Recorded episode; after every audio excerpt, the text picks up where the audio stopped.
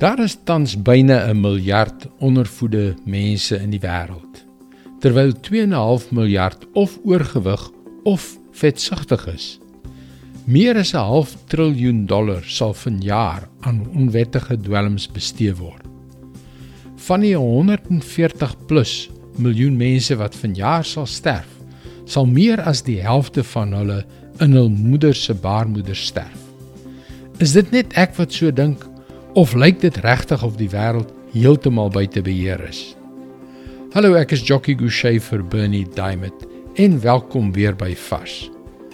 Goed, ek weet ek en jy kan nie op 'n globale skaal veel verskil maak nie. Maar terselfdertyd lyk dit soms of ons eie lewens ook buite beheer is. Ek het nou die dag met 'n paartjie wie se volwasse seun weer vir sy dwelmprobleme in 'n rehabilitasiefasiliteit opgeneem was, gesels. Hulle is liefdevolle, godvreesende ouers wat hul bes gedoen het om hulle kinders reg groot te maak. Maar ten spyte daarvan, wanneer dit lyk asof die lewe heeltemal buite beheer raak, hier is 'n skrifgedeelte wat die moeite werd is om te onthou. Jesaja 40 vers 22 tot 25. God het sy troon bo kan die hemelkoepel. Die aardbewoners is vir hom so sprinkane. Hy span die hemel oop soos 'n tentdoek, oop soos 'n tent vir die mense om onder te woon.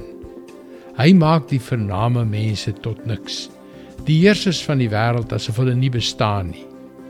Skaars is hulle geplant, skaars is hulle gesaai, skaars het hulle wortel geskiet of hy blaas sy asem oor hulle en hulle verdor die stormwind vat hulle weg so stoppels. Met wie kan julle my dan vergelyk? Wie is soos ek? Vra die heilige.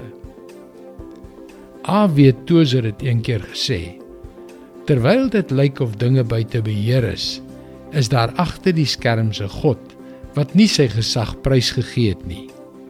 Dit is God se woord vars vir jou vandag Dit verg buitengewone krag om in hierdie wêreld wat buite beheer is, 'n godvrugtige lewe te lei. Indien jy na vorige vars boodskappe wil luister, hulle is ook almal op Potgooi beskikbaar. Soek vir Vars vandag op Google of op 'n Potgooi platform so Spotify en luister weer môre op jou gunstelingstasie na nog 'n vars boodskap. Mooi loop. Tot môre.